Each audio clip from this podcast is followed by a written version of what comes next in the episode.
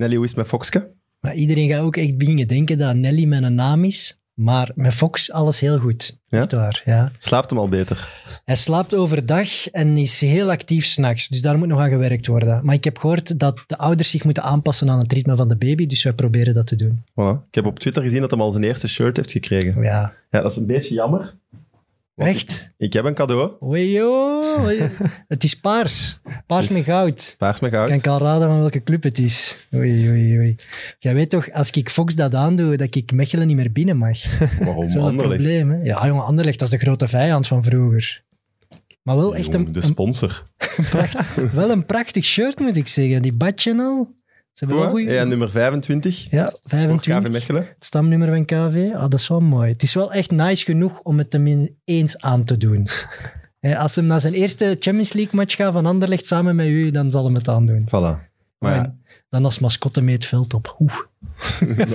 jij hebt thuis toch niks te zeggen, dus ik zal het met Laura regelen dat, dat hem dat vaak moet aandoen. Het is wel nice, merci. Als hem zo'n ding eens een overgever is, is toch handig? hey, jij lacht, maar ik heb echt al zeven sweaters per dag moeten aandoen. Hè. Die kotst, jongen, dat is niet normaal. Mit Mit, de voetbalpodcast van Friends of Sports en Play Sports. Welkom bij Mid, de wekelijkse voetbalpodcast van Friends of Sports en Play Sports. Onze gast van deze week kwalificeerde zich afgelopen weekend voor de Champions Playoff en speelt maandag de belangrijke bekerfinale tegen AA Gent. Welkom, Wesley Hoed. Wesley, hoe gaat het? Ja, heel goed. Eh, een goed weekend achter de rug, waarin we play-off 1 hebben veiliggesteld. Dus dat is, eh, dat is altijd mooi. Voilà, ik kan het al niet. Wat zit je nu zo te lachen? Ja, we moeten het al verduidelijken. We hebben eigenlijk de eerste 10 minuten hadden we al eens opgenomen. Maar heeft, ik weet niet door wat, maar heeft het niet gehaald. Dus we moeten het opnieuw doen. Maar de wedstrijd tegen Kortrijk was zo interessant dat we het daar nog wel eens We gaan het er nog eens over hebben. Dus jullie moeten mij nog eens een paar jaren van mijn leven terug. Want ik heb zitten stressen achter de tv. Ja, Niet ik denk- normaal. Ik denk niet dat je de enige was, inderdaad. Maar eh, nee, het was heel, eh, was heel onnodig. En heel, eh, eigenlijk gewoon een hele slechte wedstrijd vanuit, eh, vanuit onze kant. Zo eerlijk moeten we zijn. Alleen eh, uiteindelijk telde het resultaat. En ehm, waarin we denk ik heel veel fans en, en mensen die Anderlecht goed en een warm hart toe, toedragen... heel veel stress hebben bezorgd. Maar eh, uiteindelijk hebben we het gehaald. En dat is denk ik meer dan verdiend. Maar was wel... Ik had het gevoel dat op, op het veld geen stress was. Dat jullie niet zoveel stress hadden. Nee, ja, we begonnen natuurlijk heel slecht, waarin je al snel heel 1-0 achterkomt. En ehm, daarin eh, hebben we daarna een volwassen reactie getoond door, eh, door het gewoon op te pakken. En eh, uiteindelijk kom je 3-1 voor en dan mag je het eigenlijk niet meer weggeven. En toen al heel snel gaven we nog een, nog een goal te gemakkelijk weg. Waarin denk ik de laatste 30 minuten, of wat is het, 20 minuten, wat stress, wat stress gaf. Alleen uiteindelijk de laatste 10 minuutjes hebben we denk ik heel goed uitgespeeld en heel volwassen. Viel mij op. ik denk Rafaelov die naar de kant ging. Die was echt zo al gelaten van... Oké, jongens, we hebben het hier gedaan. En ik zat echt zo... Nee, nee, nee, nee, nee. Het is echt nog niet binnen. Ja, I don't know. Misschien zat zijn taak erop. Misschien was hij daarom, eh, was hij daarom blij. Maar ehm, nee, uiteindelijk hebben we het als, eh, als groep samen gedaan. En eh, ook de, de die, die met grote getalen daar waren. Dat was ook zeker heel... Ja, die hoorden je echt er, er vaak doorkomen. ja, zeker. Die waren heel, heel fanatiek. Dus dat was, was goed en dat hielp. En uiteindelijk... eh, was, was het verrassend dat Kortrijk in de laatste vijf of tien minuutjes nog eh, met vijf aanvallers bijna ging spelen. Die gingen er nog vol voor. Die gingen er vol voor, inderdaad. Maar eh, we hebben het eh, denk ik heel volwassen uitgespeeld, zoals ik net al zei. En daarin eh, hebben we aangetoond dat wij eh, gewoon die drie punten verdienen. Ah, ik vond het wel leuk. Ik vond het ook van Kortrijk uit wel echt zoals het moet. Ja, Toch? absoluut. Ze gaan er vol voor. Eh, Maar het, het is, ik snap wel ergens dat het verrassend is misschien, omdat ze er zo hard voor gingen. Zo nog Ja. wissels en nog dingen. Maar dat is in, in goed recht en inderdaad verder, denk ik. Misschien is dat eenmaal dat je op het veld staat, ook als Kortrijk-speler, en je voelt dat je goed begint aan zo'n wedstrijd, dan zet je vertrokken. Ik denk als jullie ze de eerste Ja. tien minuten direct een goal rond de oren geven, dan krijg je een ander verloop. Maar nu, Ja, maar dat was het ook. Ja. Wij begonnen echt slecht. De eerste drie, vier minuten was Kortrijk gewoon echt de herenmeester. En eh, Ze roken bloed, hè. ja, Dus er zat Ja. iets in. En ja. ze hebben echt een slechte reeks, hè, dit kalenderjaar. Dus Ja. mogen ze mooi thuis afsluiten, ik snap het wel. Ja, het, is, het is een goed recht natuurlijk om, eh, om gewoon vol gas te gaan. Zo, zo moet het ook. Ik denk dat het ook voor de competitie het beste was. En voor, eh, voor alle fans die, eh, die van voetbal houden, was het gewoon inderdaad een, een goed gevecht. En uiteindelijk een, een, een heel mooi gevecht om wie, wie uiteindelijk in play-off heen... Was Belang. penalty? Ja, nou ja, als ik terugkijk naar, naar het moment, als je het met de VAR terug, terugspeelt, denk ik dat je, dat je hem kan geven. Alleen, het was niet een hele duidelijke en het was op een zuur moment. Maar eh, ja, Ja, wij hadden het er daarnet ook al over. Jij vindt het penalty, hè? Eh, er is contact. Ik, ja, dat is tegenwoordig 100% zeker penalty. Dus ook als de verdediger zijn been niet beweegt. Kijk, we hebben het ervoor al gehad en ik, ik snap, ik ben net eigenlijk eens met uw uitleg dat het, dat het vals kan zijn als een aanvaller zijn been expres tegen dat van u duwt. Maar dat deed hij niet. Hij liep echt gewoon Nee. knal op u. ja. Hij zocht Dat u doen ze wel zo wat laten hangen om, Ja, om dan een contact. Dat was het ook niet, dat Ja. klopt En wel. dat vind ik vals spelen, dat snap ik. Er zijn spitsen die daar meester in zijn om hun been tussen uw benen te steken. Nee, maar laat zeggen, als je hem op normale snelheid afspeelt, zoals de scheids hem zag, dan zou je hem niet geven. Alleen uiteindelijk, dat is de VAR die hem, eh, die hem dan terugdraait. En daar moet je mee dealen, dat kan gebeuren. En dat kan gebeuren als verdediger zijnde. Ik vind wel dat je er chill onder blijft, want stel je nu voor dat dat 1-0 blijft. Ja, maar ja, dat is ook Dat voet- is niet, hè? Dat, nee, dat is ook voetbal, hè? Tuurlijk, Dat dat, zou super zuur zijn. gezien. Alleen, het is, het is wel voetbal. Ik bedoel, je, uiteindelijk probeer je je job eh, uit te voeren. En ehm, Stond er dan niemand naast u die toch even zei, oh verdomme Wesley. nee, maar dat is denk ik ook wel de kracht van deze groep. We weten allemaal wat we wel of niet eh, eh, goed doen. En wat we, waarin we elkaar kunnen helpen. En zoiets kan gebeuren. En eh, voor mij was dat dit, eh, dit seizoen de eerste keer dat het dan op, eh, op een penalty eh, uitloopt. Maar uiteindelijk hebben we heel volwassen gereageerd. Waarin, je, waarin we heel snel de 1-1 maken. Dat heeft ook wel geholpen. Ja, ja.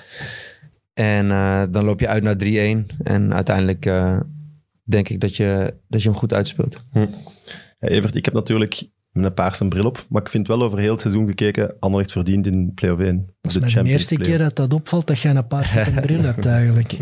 Maar de ander ligt het verdient om bij de beste vier te zijn? Ja. Ja, dat moet ik nu wel echt eerlijk bekennen. Ik vind dat Company heeft er wel een aanvallend aantrekkelijk geheel van gemaakt. Sinds dat hij zo die basisploeg heeft gevonden met die twee spitsen. En, ja, dat draait echt leuk. En Zirkzee, Kouame, ja, het heeft al, ze, krijgen, ze hebben alle twee al heel veel kritiek gekregen eigenlijk dit seizoen. Maar ik vind nu wel dat het er Ze missen staat. ook nog wel veel. Ook al maar- scoren ze ook Ja, veel, ze missen nog altijd Volgens mij zijn we de tweede ploeg eh, van België met het aantal gescoorde doelpunten. Achter Union, denk ik. Die hebben er nog iets meegemaakt. Maar als je kijkt naar de hoeveelheid kansen die wij hebben laten liggen, hadden we er denk ik zo nog eh 30% meer kunnen hebben. Dat geloof ik ook. Maar goed, het is eh, wat je zelf ook zegt. Uiteindelijk de stabiliteit en de, de standvastigheid die er nu is eh, geweest de laatste maanden, dat heeft wel een groot verschil gemaakt. En twee spitsen systeem, ik, ik vind het een van de mooiste dingen in het voetbal die er zijn. Ja, ik ook wel. ja. En je merkte het ook weer deze wedstrijd, hè, die ene goal met dat steekpaasje, Kouame. dat- Als twee spitsen iets hebben met elkaar, dan maakt dat een ploeg echt nog veel beter. Omdat je kan, je kan met acht blijven staan, die twee op een eiland, maar die forceren elke match drie, vier open kansen. Dat is goud, hè? Ja, jij moet daarop verdedigen op de training. Op die twee spitsen. Ja, maar nou, dat valt meestal wel mee hoor. Die zijn niet zo heel levendig tijdens, eh, Nee? tijdens trainingen. Uiteindelijk eh, zijn die volledig gefocust op de, op de wedstrijd. Ik had dat ook altijd bij, eh bij Antwerp met Mbokani. Die deed echt op de training helemaal niks, maar die was in de wedstrijden geweldig. Was Als echt, hij al kwam. Ja, nou toen ik er was kwam hij altijd hoor. Alleen eh, misschien af en toe is het te laat, maar voor de rest, eh, nee, dat, i- dat is gewoon zo. Het is, dat is ook goed eh, voor ons. Zo traint de company ook wel heel vaak inderdaad dat je de basisspitsen tegen de basisverdediging eh, traint, zodat, eh, zodat die eh, krachtmeting er is. Maar wij hebben een hele goede kern met heel veel eh, goede spelers. En eh, dan is het heel fijn dat wij nu eh play-off 1 hebben veiliggesteld. Ook al vind ik wel dat Gent eh, hem ook natuurlijk verdiend had. Alleen eh, uiteindelijk was er maar plek voor, eh, voor vier ploegen. Ja. ja, want het is wat Hein van Aasbroek zei. Het puntentotaal dit jaar om in play-off 1 te halen, te, te staan, is echt enorm hoog. Hè? Ja, daar komt hij natuurlijk mee op een moment dat hij het niet gehaald heeft. Hè, hij, hij- en hij heeft daar zeker gelijk. Ja, maar ik vond het geen verzuurde reactie. Nee, nee, leek wel... maar hij heeft altijd wel nog opties achter de hand in zijn voor- en nadeel om het te spinnen dat het toch niet aan hem ligt. Ja. Wat zijn goed recht is, hè, want Ja. hij heeft met Gent een fantastische reeks neergezet, alleen kwam ze te laat. Hm. Daar moet hij ook eerlijk in zijn. Hè. Zwaar. Geloofden jullie er nog vol in na de nederlaag in Gent? Ja, voor ons was het natuurlijk wel gewoon, eh, gewoon een klap. Want wij hebben eigenlijk het gehele seizoen in, eh, in, de, in de zone van play-off 1 eh, gestaan. En ook op Gent uit verdienen wij niet om, om die plek af te geven. Alleen uiteindelijk gebeurt dat. Dat is ook voetbal. En was de klap heel zwaar voor, voor de ploeg. Maar we hebben wel gelijk de, de knop omgezet. Waarin Vincent ook zei, weet je, als wij twee keer winnen... dan, dan gaan we geheid in play-off 1 eh, belanden. En eh, uiteindelijk heeft hij er ook gelijk in gekregen. Als je ziet dat Antwerp en eh, Gent eh, twee keer punten, of allebei in ieder geval punten hebben laten liggen. En wij eh, gewoon gedaan hebben wat we moesten doen. En dat was twee keer winnen. Maar die, die grensrechter van, van Cercle Gent, die krijgt toch nog een cadeautje dan?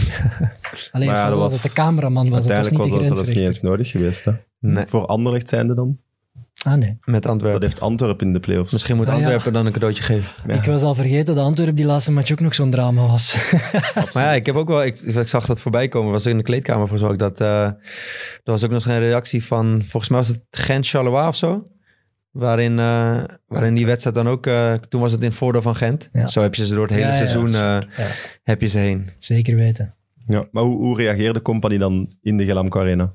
Is hij dan wel al meteen van, jongens, twee matchen winnen en we zijn erbij? Of is hij dan Ja. wel echt... Nee, nee, dat was heel. eh, eigenlijk zijn we er als groep ook wel heel volwassen in hoor. Dat, eh, kijk, uiteindelijk geef je het uit eigen handen. Dat was het vervelendste. Dat we, dat we niet meer eh, zelf konden bepalen hoe of wat. Alleen Vincent was daarin ook heel snel van.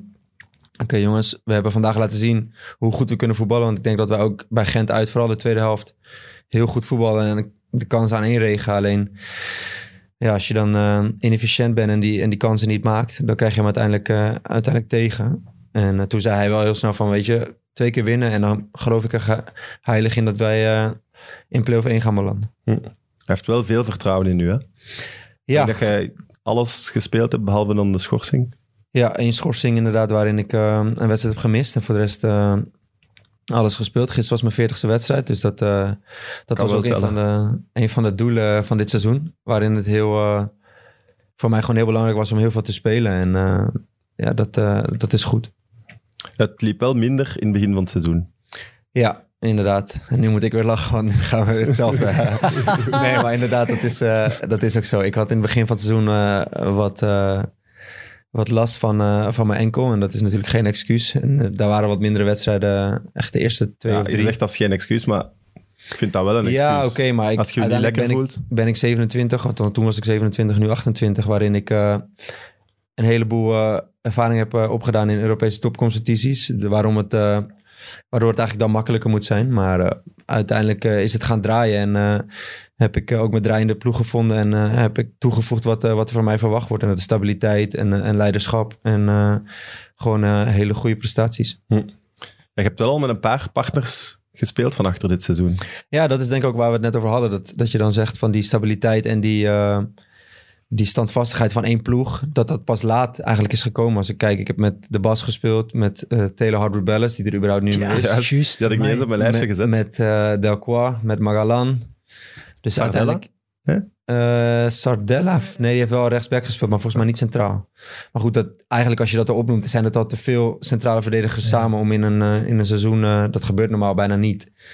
Dus dat was ook, het is de kracht van ons elftal dat we heel veel jongens hebben die gewoon kunnen spelen. En eigenlijk, eh, daar hamert Vincent ook altijd op. En dat is ook gewoon zo dat alle 30 jongens die, eh, die bij de eerste, eerste selectie eh, rondlopen, zeg maar, die moeten kunnen spelen. En die zijn ook allemaal goed genoeg om te spelen. Alleen je merkt wel nu met automatismes, vooral de laatste maanden, als het hetzelfde elftal speelt, hoe, hoe goed en hoe, eh, hoe makkelijk dan ook gaat. Maar bij elk winning team kan je toch zo de centrale verdediging altijd opnoemen. En daar Ja. hebben jullie wel lang naar gezocht. Ja, maar dat heeft ook te maken gehad, denk ik, met blessures bij die jongens of, of, of, of andere dingen. Uiteindelijk eh, heb ik daar in iedere wedstrijd gespeeld en eh, heb ik daar mijn minuten in gemaakt. Maar dat is ook aan de coach om, om het juiste elftal te vinden. En ik, ik denk ook nu als je de chemie ziet, zeg maar, tussen, tussen de, de, de back five, waarin je dan Hendrik, Sergio en eh, Maga, ik en, ehm, en Murillo hebt, dat je, dat je die, we spreken allemaal Spaans, dus dat is al handig in de communicatie. Waarin dat ook heel erg helpt. En als je denkt, tweede seizoen zelf ook veel meer clean sheets gehaald dan in de eerste seizoen zelf. Alles in het Spaans bij jullie van achter. Ja, Amai. Nee, is toch wel vet. Ja, dat had ik eigenlijk niet verwacht. Maar ja Sergio, Sergio die spreekt geen Ja. woord Engels, dus dan, dan moet je wel in het Spaans. En een geweldige gozer, maar die... eh, die Geweldige lach ook. Ja, Ik herinner me een filmpje van nog nooit Anderlecht. zo aanstekelijk eh, qua speler die zeg maar als, als hij gaat lachen, dan gaat gewoon de hele groep lachen. Dus dat is een geweldige energie en die heeft ook een geweldig seizoen. Waarin hij eh, laat zien hoe goed hij, eh, hoe goed hij is. Maar, eh, en Morillo die is ook natuurlijk Spaanstalig, Maga- Magalan ook. En Hendrik en ik die spreken allebei sta- eh, Spaans. Dus dat, eh, dat helpt gewoon heel erg. En die communicatie, en dat heb je ook denk ik wel gezien in de, in de, in de weken waarin Magalan in het begin heel veel kri- kritiek Ja. kreeg. Maar ik denk ook dat ik wat, dat wel mag zeggen dat hij eh, zich heel goed herpakt heeft. En ehm, daarin gewoon heel stabiel is. Ja, Magalan die kwam wel met al een crashje uit Amsterdam, waar dat ze zo zeiden, ja, bij Ajax kan hij het technische niveau niet aan, het is geen Ajax-speler, wat gaat hij bij Anderlecht doen? Anderlecht dat toch ook een beetje het goede voetbal wil zijn. Hm. Hij doet het op een andere manier en Maar ik moet ook Ja, zeggen, is- ik was daar ook heel kritisch voor. Ja. Oh, Ik volg Ajax ook heel hard en ik vond hem echt, echt niet goed daar. Hier in het begin altijd één foutje, maar dat is er ook volledig uit. is dat en Belgisch als je, die, voetbal als, je die, als je die documentaire dan ziet, Move, op PlaySports, daar moeten we even reclame voor maken, dan zie je hoe zo'n transfer eigenlijk... Delcroix blesseert zich en we zitten in de laatste dag, misschien nog, Ja. nog een dag erna of zo, maar de laatste, en we moeten snel de vervanger halen. Magalan is een optie. Is wel goed uitgedraaid dan. Ja, maar het is, kijk, als centraal verdediger is betrouwbaarheid en, en altijd kunnen spelen is natuurlijk wel een dingetje. Dat is wel heel belangrijk. En eh, bijvoorbeeld bij een- de Bas die dan, die dan minuten maakt. En eh, dat is alleen maar goed voor de club, want dat gaat een hele grote, hele grote speler worden. En eh, daar Ja, ze hebben er zelfs die Harwood Bellis voor opgeofferd eigenlijk, toch? voor... Voor de Bast minuten te kunnen laten maken. Ja, maar op zich is dat wel logisch. Kijk, als je zelf een talent in huis hebt en eh, die moet je de minuten geven om hem. eh, om, kijk, ik, ik had dat ook toen ik, toen ik jong was. Dat je, je moet de minuten krijgen waarin je fouten maakt. Iedereen maakt fouten, dat is gewoon menselijk. En dat hoort bij de voetballerij. Dan moet je die, dan moet je die minuten maken. En een soort van vlieguren, zeg maar, waarin je, waarin je kan groeien daarin. Maar Magalan bijvoorbeeld, die is er wel altijd. En die is altijd fit en altijd beschikbaar. Die zijn En- lichaam is al meer klaar voor het profvoetbal. ja, maar dat is logisch. Ik bedoel, Ja, de. Bast is nog super jong, maar die wordt nu wel eh, geconfronteerd met het feit: oké, dit is profvoetbal. En een verschil met jeugdvoetbal. Daar zit nog een verschil in. En hij heeft laten zien dat hij geweldig kan voetballen. En dat hij zeker weet een, eh, een, een meerwaarde en, eh, en een, heel, een heel grote speler kan worden voor Anderlecht. En waarschijnlijk ook voor een aantal andere clubs. Maar voor nu, ik denk dat ook de credits daarin wel naar, naar Magalan kunnen gaan. En naar de rest allemaal. Dat weet je, zo gaat het nou eenmaal. Kijk bijvoorbeeld bij Olsen en, eh en Ashimeru. Hm. Waarin Olsen uitvalt. Ja, En als je zwaar. meer zijn kans pakt, zo werkt het nou eenmaal. Ik en, heb Ashimero ook vervloekt. Ja, ja, Ja. ja, dat weet ik nog. Ja. In Ja. het begin van het seizoen ook heel veel twijfels over. En dat je nu ziet, hij maar dat is ook wel een beetje de, de kracht van de kern, weet je. Dat iedereen... En dat is ook de kracht van Vincent en de staf. Ik bedoel, ik heb nog nooit een, een staf gezien. Ik heb bij veel clubs eh, gespeeld die zo hard werken als dat zij doen. Maar hij houdt, hij houdt ook iedereen aan boord. En hij... Dat vond ik het mooie, dat hij eigenlijk in het begin van het seizoen al zei van... Weet je, de jongens waar we mee starten gaan waarschijnlijk niet degene zijn waar we mee eindigen. dat zegt hij al. Ja, en die, die zeg maar, als je in het begin van het seizoen nummer 27 bent, dan kan je aan het eind van het seizoen kan je degene zijn die de winnende goal maakt, bijvoorbeeld. Mooi. En als je dan kijkt, Anouar die heeft een heel lastig seizoen Ja. achter de rug, waarin hij vorig jaar natuurlijk doorbrak. En, Vind ik een geweldige seizoen speler. speelde vorig jaar. maar gisteren bijvoorbeeld wel weer een heel belangrijke goal van ons maakt. Dus daarin zie je ook de kracht van, denk ik, Vincent Company en van, van, eh, van het geheel waarin, waarin iedereen eh, gelooft in het verhaal en, eh, en daar ook volledig voor gaat. Hij laat niemand vallen. Allee, het is niet... Nee, maar ik denk, Vincent zit zo in elkaar dat als jij hem geeft wat hij verwacht, dus volledige inzet, team voorop ehm, en eh, 100% commitment, zeg maar, richting eh, de gemeenschappelijke doelen van het team, dan kan je slecht spelen, dan kan je een keer een slechte dag hebben, dan kan je een keer boos worden, dat maakt niet uit, dat, dat hoort erbij. Ik bedoel, het zijn allemaal mensen.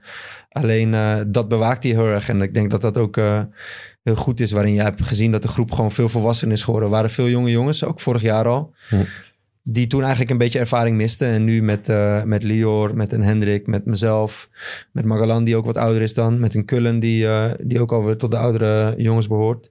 Dat het gewoon heel stabiel is. En dat, dat denk ik de perfecte mix is. Ja, ik zag ook weer in die Move-documentaire dan een, een wel redelijk pittige discussie tussen u en, eh en company. Ja, maar ja, ik, ik vind- ben, ik vond dat wel mooi. ik ben natuurlijk niet... Ga, ik ben sowieso geen speler die ja en amen zegt. En eh, Nee, maar ik vind het mooi dat, dat, hij, dat hij u voor de volle groep aanspreekt op iets. ja, maar zo en dat het ook gewoon direct je. van antwoord krijgt. En dat hij ook geeft zelfs in de uitleg een beetje toe van... Oké, ja, ik begrijp ook wel wat jij aan het zeggen bent. Ja, maar dat is, dat is Vince- Vincent is super eerlijk daarin en super eh, recht door zee. En dat ben ik zelf ook. Weet je, ik ben gehaald om mijn ervaring te delen met de jongere jongens en eh, zelf gewoon goed te presteren. En ik ben niet gehaald om ja en amen te zeggen. Dat ben ik ook niet. Ik ben altijd recht door zee en altijd eerlijk. En soms ben ik te eerlijk. En daar ben ik de laatste jaren wel in gegroeid dat, dat, dat ik daar beter in moet, eh, in mijn momenten moet kiezen. Maar tegen Vincent, ik heb meerdere keren dit seizoen met Vincent eh, dat we tegenover elkaar staan of dat we allebei iets anders vinden. En weet je, het is voor hem ook fijn dat er wel jongens zijn die iets terugzeggen en die denken, hé, we gaan zus of zo of dit leeft er in de groep. En dat was denk ik ook misschien wel hetgene wat miste vorig jaar bij, eh, bij Anderlecht daarin. En dat is een volgende stap die, die de club heeft gezet. Maar je kan toch alleen maar discussiëren met iemand als company als je zelf voelt dat je incontournabele bent. Dat je eigenlijk onwisselbaar bent. Nou ja, dat weet ik niet. Nee. Ik, ik denk ook als je eerlijk bent en oprecht, als je echt zeg maar, als je een, een verhaal creëert of je speelt iets, daar wordt heel snel doorheen geprikt. En tuurlijk, je moet zelf presteren, want anders, zo werkt het in elke club. Als je zelf niet presteert, Moet je dan is, zeg maar, is de kracht van je woord is veel minder. En ik vind dat je dat niet moet misbruiken. Want je moet als leider zijn, dan moet je dat kunnen zeggen. En moet je jongens willen helpen. En dat heb ik ook in andere um, interviews aangegeven dit jaar. Dat ik dat veel meer heb geleerd. Dat, kijk, tegen mij kan je zeggen, bijvoorbeeld, ik hoorde jou net zeggen van ja, ik heb je in het begin van het seizoen eh, bekritiseerd. Ja. Ja, weet je, dat vind ik, dat vind Komt ik, toch aan. Komt weer. Ja, nee, maar, Hij is nee, niet vergeten. Nee, nee, maar laat me eerlijk zijn daarin. Ik vind dat niet erg, weet je. Tegen mij kun je dat zeggen. Of, Maar het was, alleen voor alle duidelijkheid, ja, ja. Ah, Nee, nu komt er iets. het was in een, het was, het, de ploeg was slecht. Ja. En ik had uw naam bij spelers gezegd waar die ik vond dat teleurstelde. Die meer moesten brengen. En dat was ook mijn rol. Ja, maar dat mag. Dus dat hoort ja. er ook bij. Alleen ik wilde meer aangeven van, weet je, dat kan bij mij. Alleen bij sommige jongens zo direct en zeggen van, nou, je bent niet goed Ja, of je doet dit, dat kan, dat werkt niet. En dat heb ik zelf dit jaar geleerd. En dat is ook mijn toegevoegde waarde aan de, aan de groep, waarin dat, waar ik nog steeds stappen, stappen kan zetten. hoor. Waar je, iedereen zijn eigen benadering heeft. En dat heb ik echt van Vincent geleerd. Ik kan heel, het moment wat jullie net aanhaalden uit die MAF documentaire, waarin Vincent en ik eigenlijk tegen elkaar, ik. was Sint-Truiden uit. En alleen Vincent is wel gelijk van, eh, dat was ook, eh, wie was die andere wedstrijd? Het was Leuven thuis. Ja. Dat we in de kleedkamer, eh, dat ik ook gewoon tegen hem inging van, ja, weet je, zo zat het niet. En eh, toen kwam hij echt 15 seconden daarna, dat wordt dan niet eh, gezien in, de- in de beelden, kwam hij naar me toe. Manipulatie. Nee, nee, dan kwam hij naar me toe en zei hij van, ja, inderdaad, je hebt gelijk, zo had het niet gemoeten. En Dus alleen als je open en eerlijk naar elkaar bent, dan kan je alles tegen elkaar zeggen, want we hebben uiteindelijk gewoon hetzelfde doel. En dat is Anderlecht terugbrengen waar het hoort. Dat is mooi, want ja, hij zegt iets en hij zegt eigenlijk niet echt uw naam, maar het is wel duidelijk dat hij u bedoelt. En jij zegt daarop voor de kleedkamer ook, eh, het is serieus op mij, na deze match op mij. En dan zegt hij toch ook van, ja nee, zeg maar. Dus Ja, maar dat mooi, hij, hij stelt zichzelf ook kwetsbaar op in die groep. Sowieso, maar dat, een- dat, dat, dat zie ik ook, dat, eh, dat Vincent daarin... eh, Ook een aantal jaren verder is dan ik en een aantal ehm, ervaringen verder is en misschien wat ouder sowieso, dat hij op het moment zelf kan hij ook al switchen van oké, iemand anders zijn mening. En ik heb, ben dat nu ook aan het leren en dat is ook een van de redenen waarom ik heb ander, voor Anderlecht heb gekozen, vooral ook voor Vincent Compagnie. En eh, wat je net eh, ook zei, dat hij mij ook af en toe aanpakt, dat moet. Je moet zeg maar als coach zijn, dan moet je je, je leidersfiguren moet je kunnen aanpakken. Hm. Want dan weet de rest van de groep, oké, het is niet... Ik denk dat het voor een coach de grootste fout is als je alleen jonge spelers Ja, of ja, tuurlijk. jongens die niet spelen aanpakt en de rest met rust Dat is laat. te makkelijk. ja, dus dat, eh, ik denk dat dat alleen maar goed is. En hij weet ook dat je er tegen kan, dat je dat kan absorberen en Ja. dat je prestaties daar niet onder gaan leiden. Dus dat is voor hem ideaal ook om af en toe tegen u uit te Ja. vliegen. Maar dat is ook zo. Ja. Maar dat, uiteindelijk is dat ook ervaring. En ik heb eh, heel wat coaches ook in Italië meegemaakt die gewoon eh, precies zeggen waar het op staat. En. Italiaanse fans. Dus, Ja. Maar zo hoort het ook. Weet je, het is, dat is de charme van het voetbal uiteindelijk ook. Want je, als ja, ik dat doe, is het ruzie.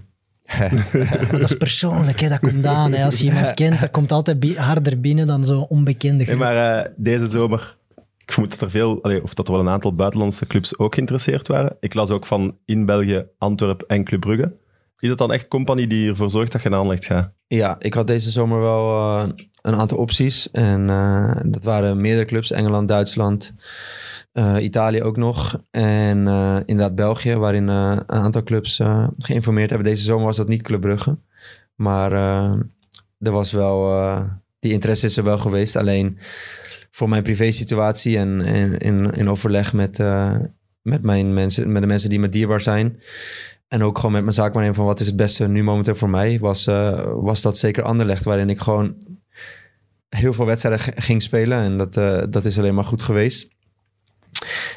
En daarin van Compagnie natuurlijk een heleboel kan leren. En uiteindelijk ook eh, met Lior, die, waar, waarmee ik samen bij Ant, eh, Antwerpen heb gespeeld. Heeft hij je dan gebeld? Ja, die belde me van. Eh, toen was ik nog op vakantie van. hey, we gaan samen het plan bij, eh, bij Anderlecht uitvoeren. Dat moeten we doen. En Voordat je getekend had. Voordat ik getekend Ah, had, ja. ja. Dus, eh ja, Compagnie had dat natuurlijk al bijna op de leeftijd van agent. Dus die, eh, die, eh, Slim. nee, die, eh, die heeft daar een rol in gespeeld. En Company ook. Die heeft me twee jaar geleden al gebeld. Alleen toen koos ik specifiek voor Lazio. Eh, vanwege mijn fijne herinneringen daar en, en eh, de Champions League. Wat natuurlijk voor iedere speler geweldig is. Ja, maar eh, uiteindelijk heeft het met Company eh, natuurlijk heel veel te maken gehad, ja. Ik vind het wel opvallend, hè? Paul Gijsens kan, kan alles kopen wat hij wil, behalve Wesley Goedam. Nou ja, dat, die, die Stuurt je interesse... geen foto's? Zo. die, eh, die interesse is wel geweest vanuit, eh, vanuit Antwerpen. En dat vond ik ook zo apart, weet je. Eh, wij speelden met Anderlecht Antwerp uit. En ik heb echt een geweldige tijd bij, bij Antwerpen gehad. Geen enkel slecht woord over Antwerp. En ook niet over de fans. Die zijn ook heel, echt heel erg goed daar. Maar eh, toen werd ik super erg uitgefloten. En Ja, dat, ik ook, dat ik ook Ja. dacht van... Ik heb nooit een slecht woord Zo werkt het over- in het voetbal, dat weet je. Eens. Maar eh, dat was wel even apart. Alleen het is nooit... Vond je dat kut? Dat is je uitfluiten. Je bent Ja, naar ik snap dat wel. Je hebt daar jaren alles voor Ja, maar je gaat naar een Maar rechtstreeks goed, ik was een van de. Ja, maar publiekslievelingen bij... hè? Ik was een van de Nee, publiekslievelingen bij Antwerpen. En eh, dat beviel me ook hartstikke goed. En eh Antwerpen is een geweldige stad en een geweldige club. Alleen, ehm, ja, uiteindelijk eh, gebeurt dat nou eenmaal zo. En het hoort bij het voetbal. En ik kan het tegen, dus dat is ook eh, geen probleem. Alleen, ik had het niet verwacht. Maar eh, nee, het is nooit een, een echte con- eh, concreet contract eh, op tafel geweest. eh, want toen was dat de nog er ook nog. Dus dat was niet, eh, was niet aan de orde. Dus deze zomer een terugkeer naar Antwerpen is echt nooit Nee, concreet nee, geweest. nee. Ah, Oké. Als je echt Champions League wil spelen, dan, dan had je misschien wel voor een buitenlandse optie willen kiezen of moeten kiezen. Want bij Anderlecht nu- kan ja, het wel even ik duren, kwam, toch? Ik kwam van Champions League en eh, dat was een geweldige ervaring waarin we de kwartfinale volgens mij, of in ieder geval de, eh, na de gro- groepsfase tegen Bayern speelden. En ik eigenlijk gewoon vorig jaar acht Champions League wedstrijden heb gespeeld. En uiteindelijk ook nog, niks. en uiteindelijk ook nog geen 30, Champions League, eh, 30 wedstrijden bij Lazio heb Ja. gespeeld. Waarin mijn niveau wel een beetje zo was, dat moet ik eerlijk toegeven. Alleen in de Champions League speelde ik echt hele goede wedstrijden.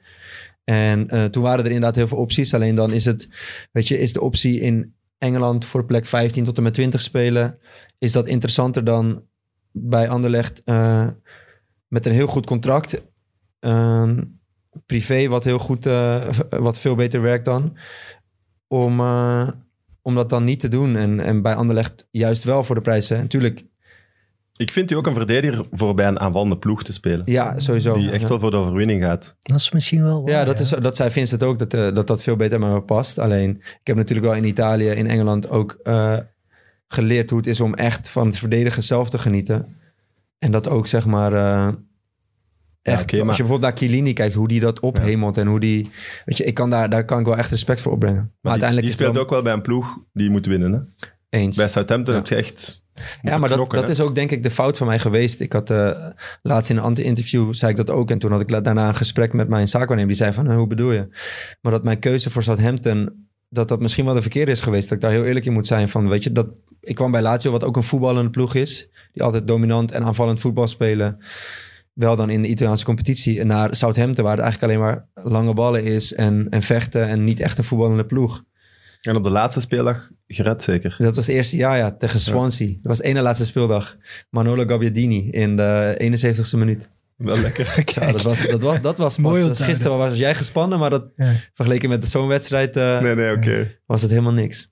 Maar ik ben succes supporter. Ik had niet voor Southampton. Ik vind het wel opvallend, want er gaan sowieso heel veel jonge gasten nu in de kern bij Anderlecht zitten. Die zouden dromen als er nu de 15e Premier League naar hun zou komen en zeggen: hey, kom jij naar ons? En jij zit er dan. Denk ik je heb, dat? Ik heb dat geweigerd. Nou, maar ik denk dat Nou, ook... Premier League is toch alles, nee? Voor een jonge Maar dat was voetballer? het ook bij mij, weet je. Ik ging vanuit... Maar moet Verscharen dat gaan doen? Toch ook niet? Nee, maar dat is het ook nu. Nu kan ik die ervaringen delen, kan ik ook zeggen. En dat doe ik nu ook dit seizoen. Dat is ook een van mijn, van mijn taken bij, eh, bij, de, bij de ploeg. En een van de toegevoegde waardes die ik kan hebben, is dat...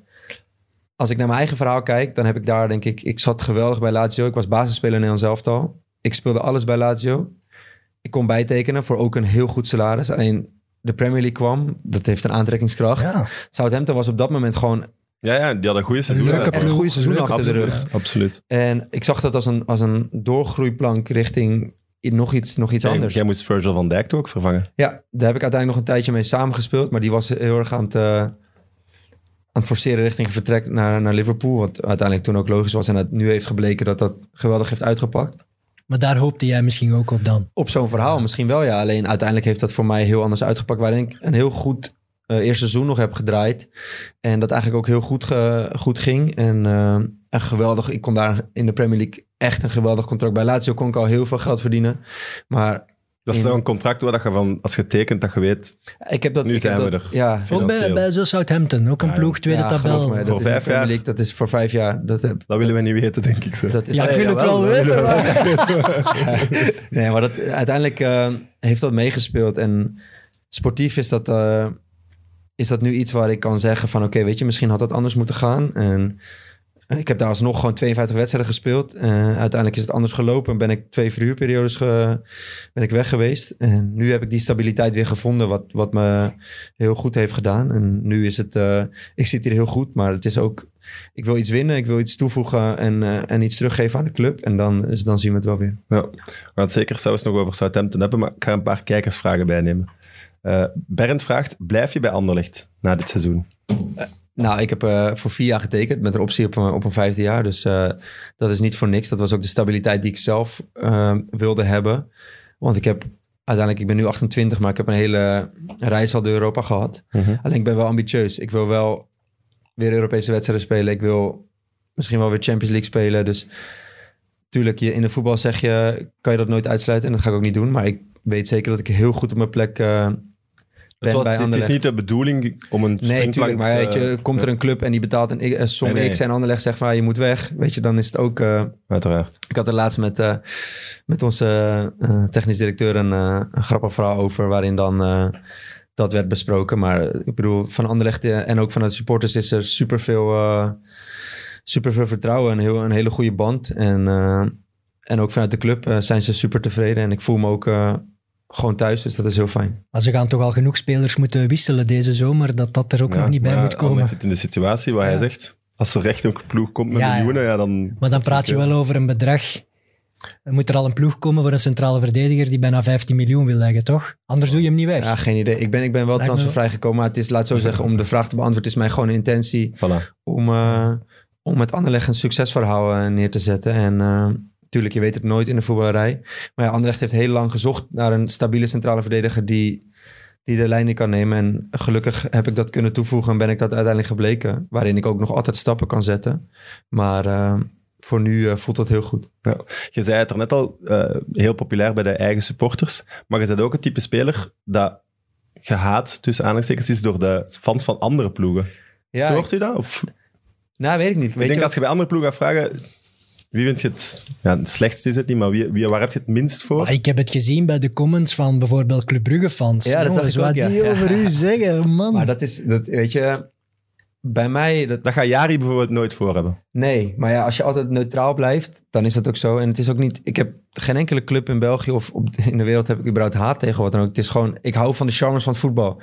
Dus om aan te halen, bijvoorbeeld toen ik bij Antwerpen speelde, kreeg ik een bierdouche van, van de supporters van Kortrijk. Weet je, toen werd er allemaal gezegd, nou, dat is schandalig en dat mag niet tegen spelers. Maar je, ik vind het de charme van voetbal. Fans, als het binnen de beperken blijft en blijft respectvol, dan... ehm, Je kunt het wel hebben. ja, dan, dan hoort het erbij. Dat is, we hebben nu twee jaar zonder, voetbal, voetbal- zonder fans gevoetbald. Nou, vond iemand het leuk? Dat was horror. Dat is zeg maar de charme van... Ja, vind ik ook. De charme van het voetbal is weg. En natuurlijk ga ik zelf ook wel eens over de schreef. Of doe ik zelf, zeg ik dingen. En vooral toen ik wat jonger was, die ik niet moet zeggen. Maar ik ben altijd open en eerlijk. Ik zeg altijd wat ik ervan vind. En dat in België wordt dat heel erg... Laat Ja, zeggen, zijn door? Ja. door heel veel mensen gewaardeerd. En de anderen zeggen dan van andere clubs... Ja, maar die is bij de hand. Terwijl, of arrogant. Terwijl ik ben helemaal niet arrogant. Althans, al zeg ik het zelf. Alleen... Dat vind ik Ik zeg- arrogant.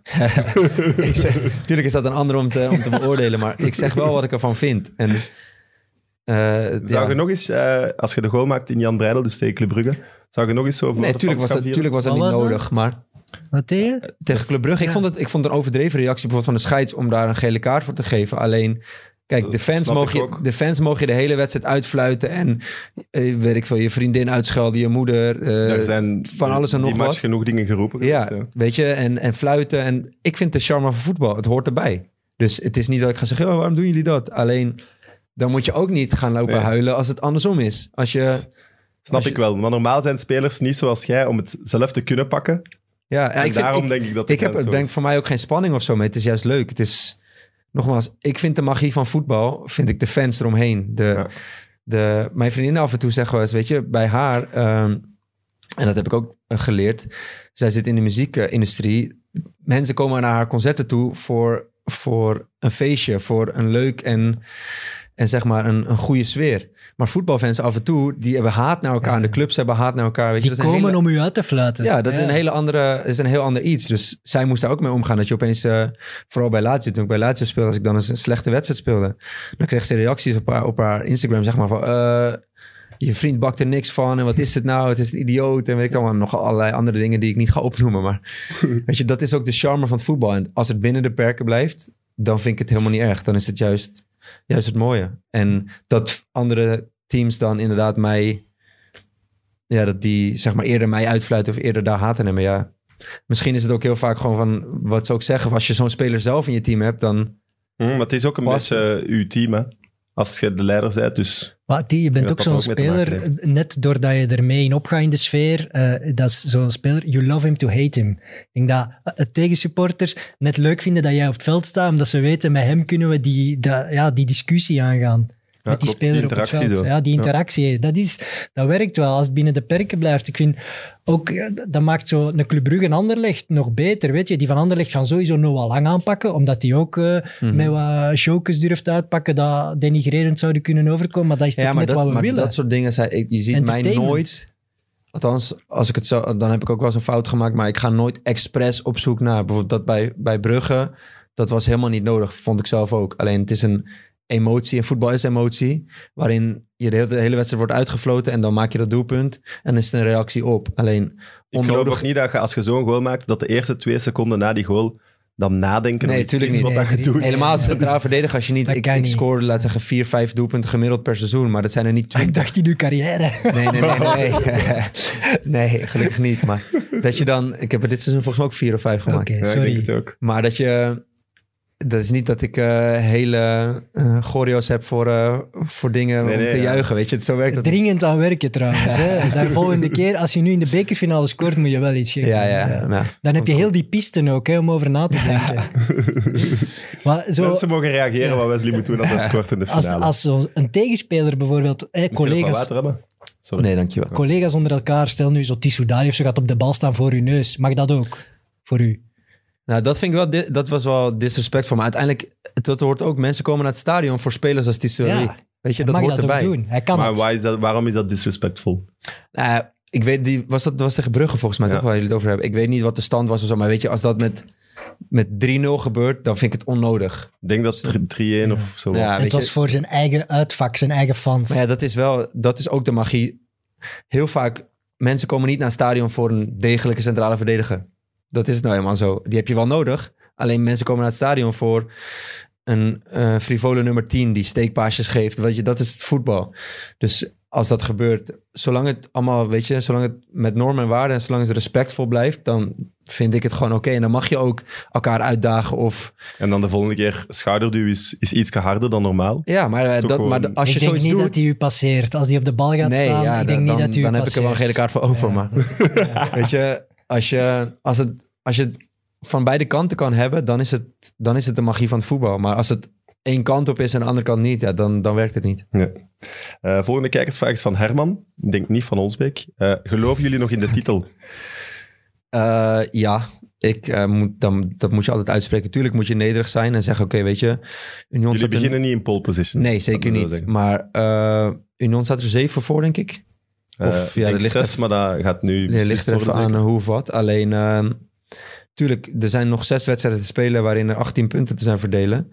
En bijvoorbeeld, dat is een cliché, maar als je alle, alle zes wint, dan denk ik dat je aan het eind van de, van de, van de wedstrijden met, het- met de titel staat. Als je dat doet, heb je wel een zotte play-offs gespeeld, hoor. Tuurlijk, alleen eh, zolang die kans er is, moet je erin geloven, want anders heeft het geen nut om mee te doen. Oké. Wel realistisch zijn, want oké, je moet nederig zijn en we gaan het wedstrijd voor wedstrijd bekijken. Alleen, wij hebben een hele goede ploeg en dat moeten we gewoon laten zien. Ik denk dat je eh, wat pech hebt, dat ook net Brugge in een nieuwe vorm aan het geraken is. Allee, al enkele weken speelt die Ja, echt wel aanvallend voetbal. Het gaat wel hele Ja, maar mooie goed, wij- zijn. Ja, ja dat, gaan, dat gaan heel leuke wedstrijden Als worden. je Gent niet meerekent, hebben wij ook volgens mij acht of negen wedstrijden achter elkaar gewonnen. Ja, ja, jullie twee, ik denk Brugge en Anderlecht zitten echt zo in een piek naar omhoog. Ik denk Antwerpen en Union, dat is wat minder. Ja, het wordt wel interessant. Eh, Sebastien, ben je van nature een leider of is dat iets dat je geleerd hebt?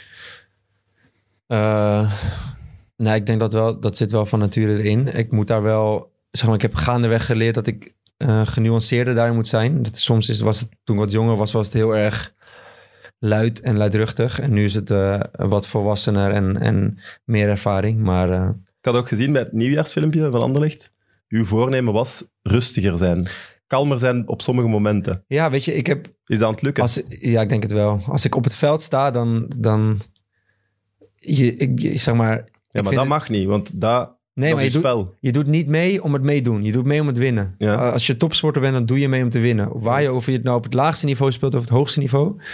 Als ik met mijn dochtertje een spelletje speel, dan wil ik winnen. En Hoe gaat Dat het met die wel dochter, zeg? tuurlijk, tuurlijk gaat, laat je- krijgt daar tackles in Nee, de nee, tuin. Eén keer om de tien keer. Tuurlijk is daar, eh, is daar een nuance in. Maar ik wil wel zeg maar zo overkomen van... Als je iets doet, dan doe je het goed.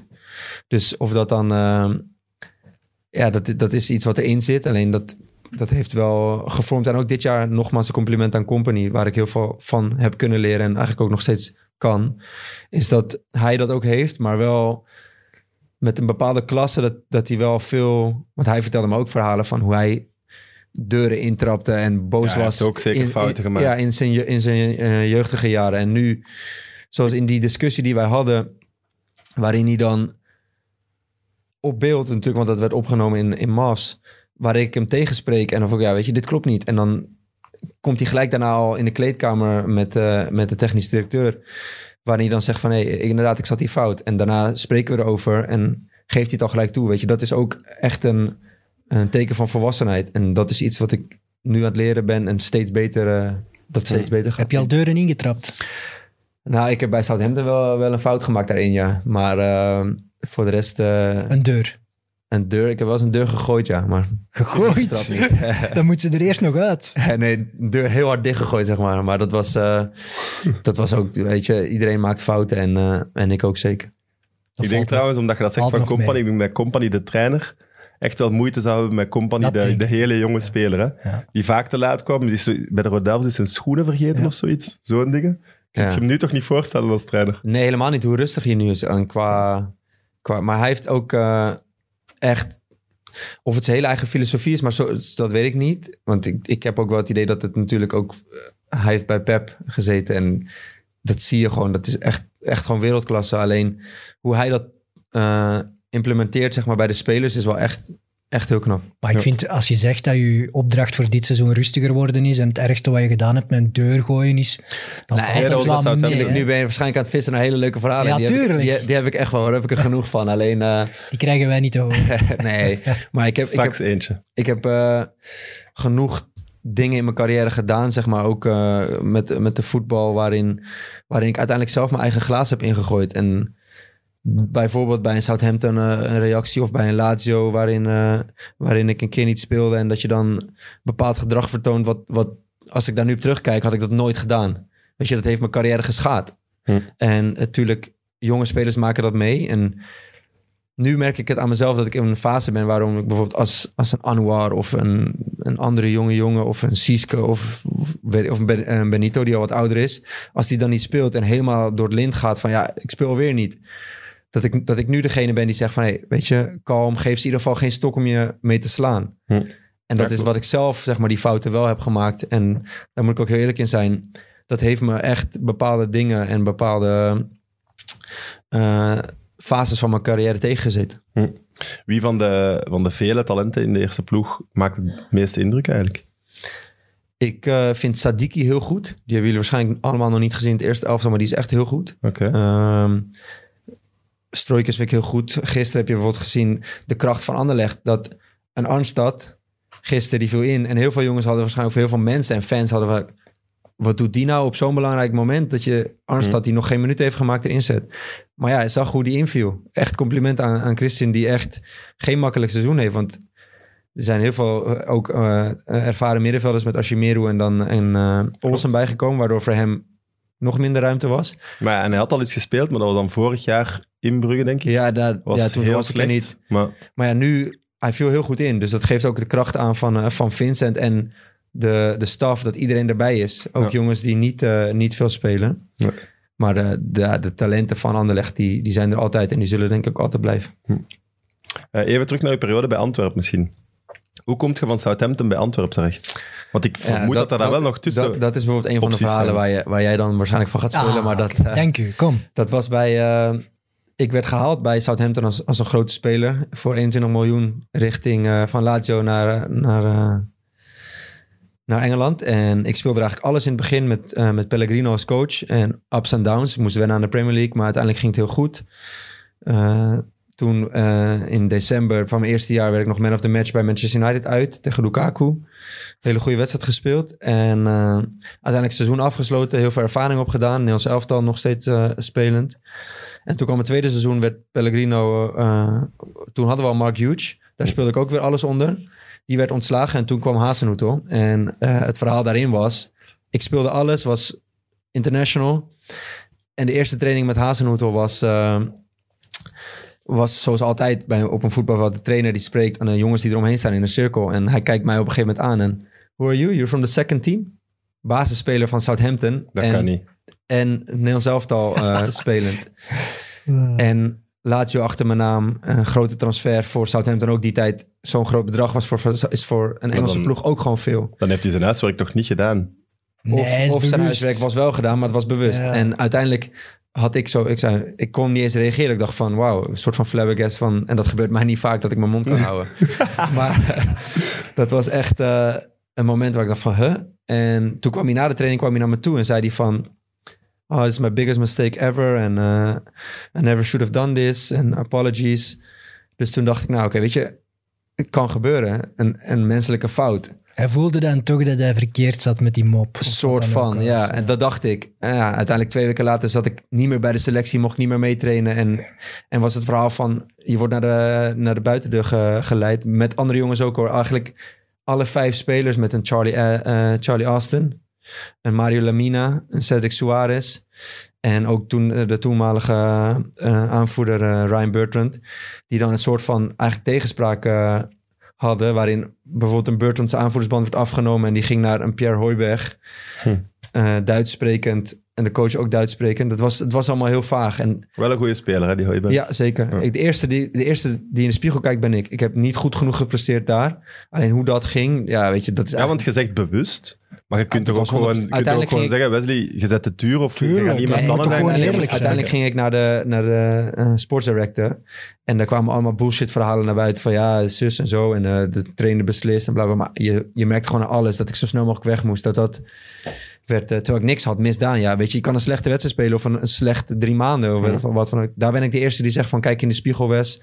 En je had dat beter kunnen doen. Alleen ik was wel basisspeler. Had ook een heleboel goede wedstrijden. Speelde bij een zelftal. En die klap heeft mijn carrière, zeg maar, met Hasenhoeter heeft het echt... Die heeft mijn carrière echt beschadigd. Nogmaals, ik ben de eerste die zegt... ik heb het Ja, zelf nee. ook beter kunnen doen. Alleen hij heeft mijn carrière ook wel echt daadwerkelijk beschadigd... met hoe hij deed. En eh, als coach zijnde, zijn tactiek en hoe die speelt... geen kritiek. Alleen Menselijk. als menselijk, weet je, zo, wer- zo werkt het niet. We zijn allemaal, het is een professionele wereld waarin het kei en keihard is. Vanaf de jeugd af aan. Dat vormt mensen. Alleen zo ga je niet met mensen om. En, en dat, was, dat was schandalig. Toen ben ik naar Celta gegaan. Heb ik daar eh, twaalf wedstrijden gespeeld. En eh, een halfjaartje. En eigenlijk een hele goede en leuke tijd gehad. Is dat niet constant in de regen, Vigo? Ja, Vigo, ja. Dat had ik wel, had ik wel, ja, dat is wel echt zo. Had Is dat echt? ja, had ik, maar ik dacht ook Spanje, nou lekker en Ja, chill. inderdaad. Dat zat er niet in. Het was heel echt eh, Ja. altijd mistig en regen en weet ik het allemaal. Maar eh, dat was een hele leuke tijd.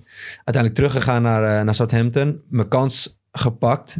Hij kwam gelijk al naar me toe, want toen was Hazenhout er weer in de voorbereiding. Toen zei hij tegen mij van ja... Who are you? Nee, toen, toen- toen zei hij wel van ja, weet je, geen kans, bla bla bla. Oké, nou, geen probleem. Toen hadden we de eerste training, hadden we die eh, piepjestest. Toen rende ik iedereen eruit. Had ik echt de hoogste scores. Ik was super fit. Overal stond ik op nummer één. En toen kwam hij naar me toe van wauw, je hebt me echt zeg maar verbaasd. En eh, ik vind dat je eh, een, een tweede kans verdient. Dus toen zei ik gewoon tegen hem van... Ik heb helemaal geen eerste kans gehad. Nee. Dus, weet je? En, eh, daar, heb je, hem- daar heb je hem weer geprikkeld om je toen heb ik te in de laten voor, ja, geen idee, Ja. maar in de voorbereiding heb ik wat, eh, wat wedstrijden gespeeld en het ging heel goed. En toen kwam hij aan het eind eh, van de voorbereiding kwam hij naar me toe van ja, weet je, ik heb je niet nodig, dus eh, je mag weg. Maar ja, ik kwam, ik kwam voor heel veel geld naar Southampton. Ik had een belachelijk contract. Dus Zeg ja, je- zeg je van jezelf, eerlijk. Het- Hadden ze u te veel geld gegeven? nou, dat weet ik niet, maar op dat moment verdiende ik het. Want anders Ja, voor hoe als- vaak ze gebruikt Ja. hebben, kunnen we zeggen van wel. Hè? Ah, uiteindelijk heb ik 52 wedstrijden gespeeld. Ik speelde alles. Alleen daarna, weet je, Ik had, het, ik had het contract. En, en kijk, als je een speler een contract geeft, dan verdient hij het ook. Hmm. En als je daarna niet presteert, ja, dan zijn de verhalen altijd anders.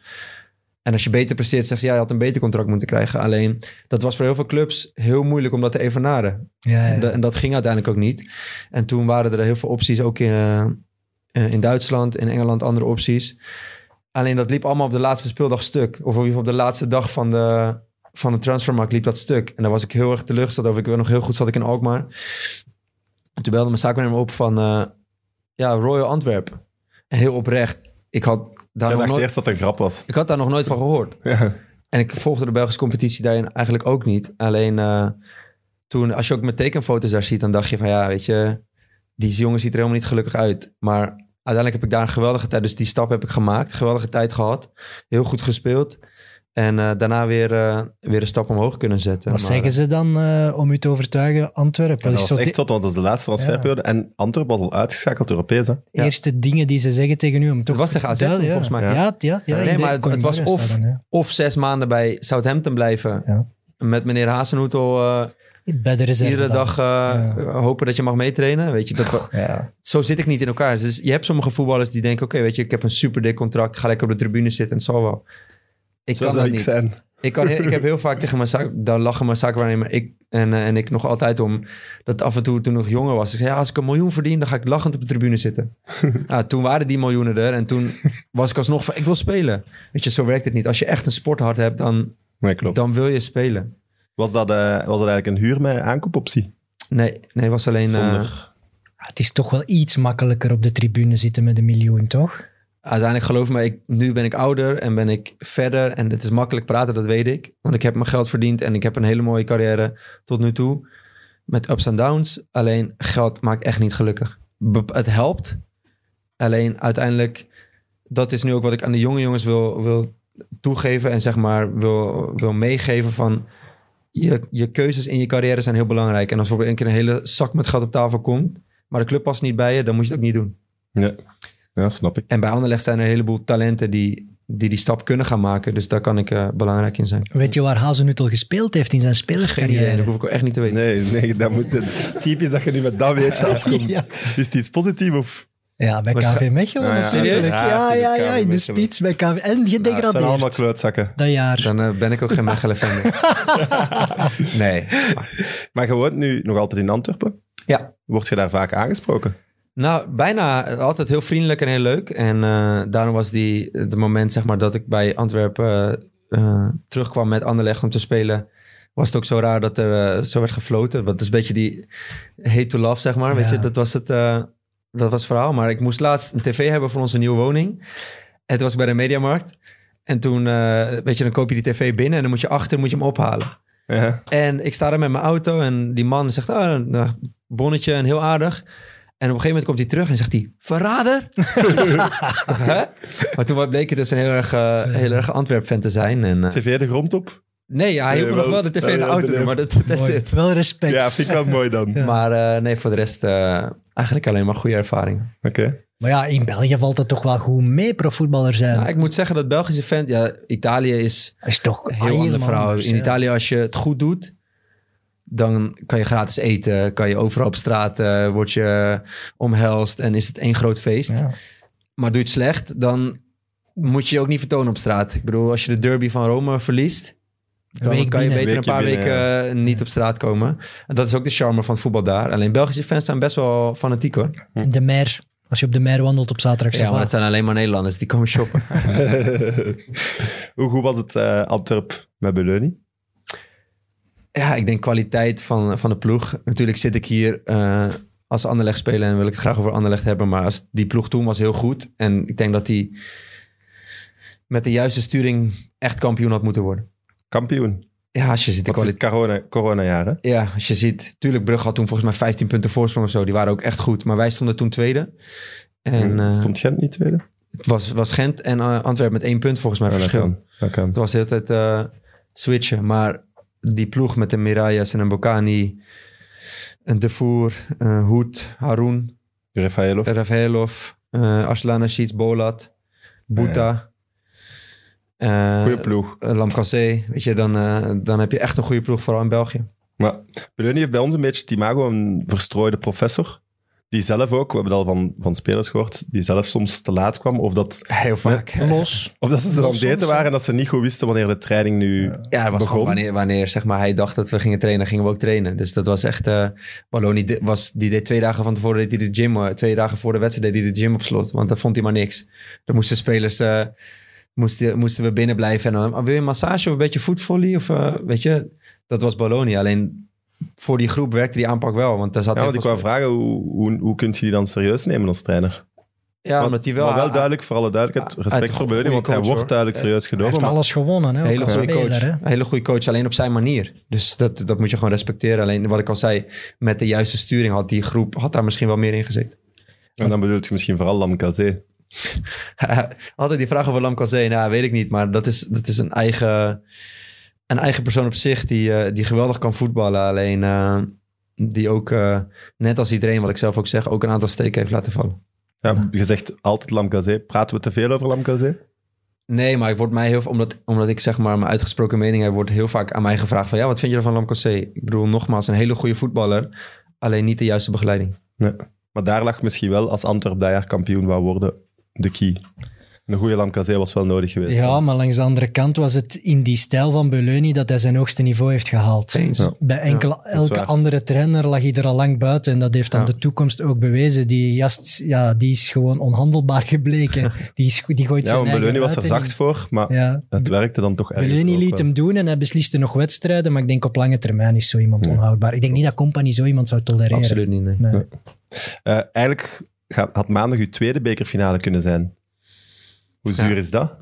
Ja, ik vind dat ik die beker heb gewonnen. Dus de eerste beker. Die, Ja, dat eh, snap ik. Van, eh, van, ik heb toen volgens mij zes van de zeven wedstrijden gespeeld. Ah, met die finale Ik had in zeven van de augustus, acht, ja, maar was van de acht kan zeven ook, weet je, ik weet niet hoeveel wedstrijden precies waren, maar alleen de finale heb ik niet gespeeld.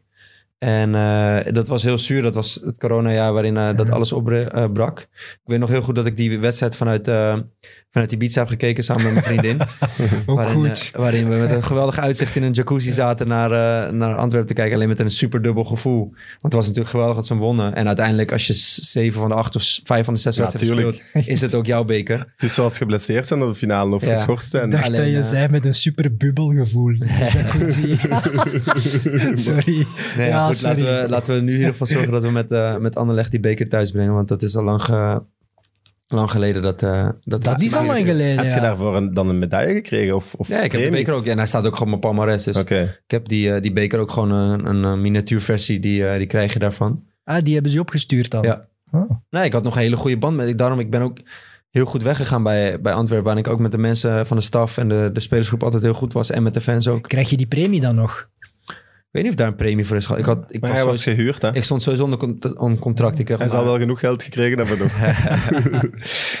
toch? Ja, nee. En hoe lang is het geleden dat Anderlecht de beker heeft gewonnen? Dat toch al eh, 2007 of zo, toch? ja, Ja. te lang dat geleden. ons hè? verteld met Lucas Biglia. Was dat niet tegen Gent zelfs? Dat weet ik niet. Dus Maar- op zich, maandag is wel eh, de drukker op. Toch? 2008 wordt 2008. hier ingeflest. Ja. Hij was tegen Gent.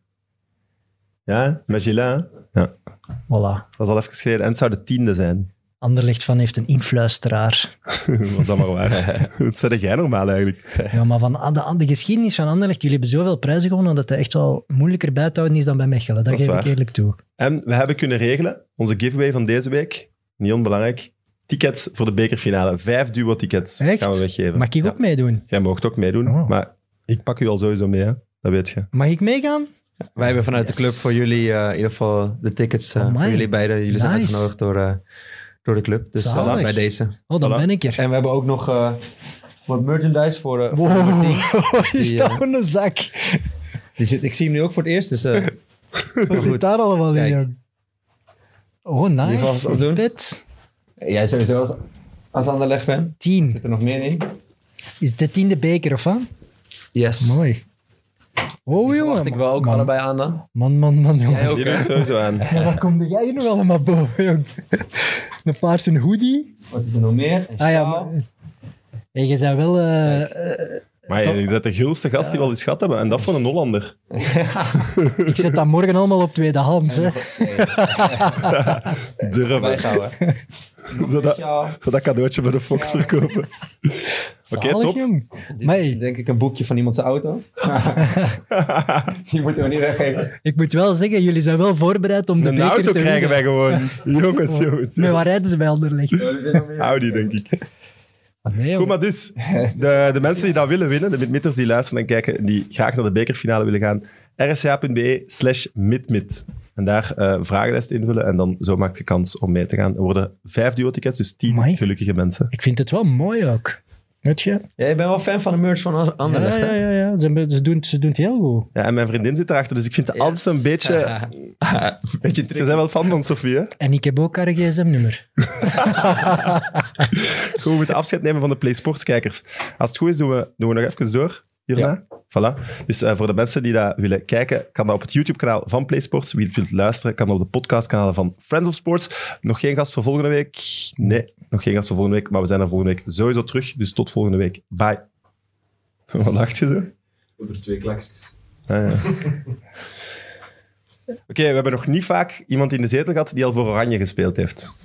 Boskamp? Mulder? Jurie Mulder, ja. Dennis van Wijk niet, denk ik. Nee. Nee. Eh, dat zal het dan wel zijn. Ja. Amai. Wesley Hood. Wesley. Voilà, goed. Dus we moeten het erover hebben. Wat, wat weet je van de eerste keer dat je werd opgeroepen voor Oranje? Ehm, ik weet dat ik er een hele tijd tegenaan heb gehinkt bij, eh, bij Lazio. Dat, eh, dat op een gegeven moment speelde ik met de Vrij samen. En Dat, eh, dat dat zo goed ging dat mensen eigenlijk begonnen te zeggen... Hey, weet je, verdient Hoed niet een keer een kans? En eh, ik heb eigenlijk de hele jeugd van Oranje doorlopen. Van onder 15 tot en met Jong Oranje. Eh, veel wedstrijden gespeeld en, eh, en daarbij gezeten. En toen uiteindelijk de stap naar het echt Oranje was, was lastig en eh, was moeilijk. Ik heb toen de stap van AZ richting, richting Lazio gezet, waarin ik een paar stappen heb overgeslagen. geslagen, zeg maar. Normaal ga je eerst naar de top van Nederland en Mm. dan naar, naar een andere club. Maar ik weet nog heel goed dat ik toen, was heel grappig, werd ik opgeroepen. En toen kwam mijn beste vriend, die kwam naar Rome.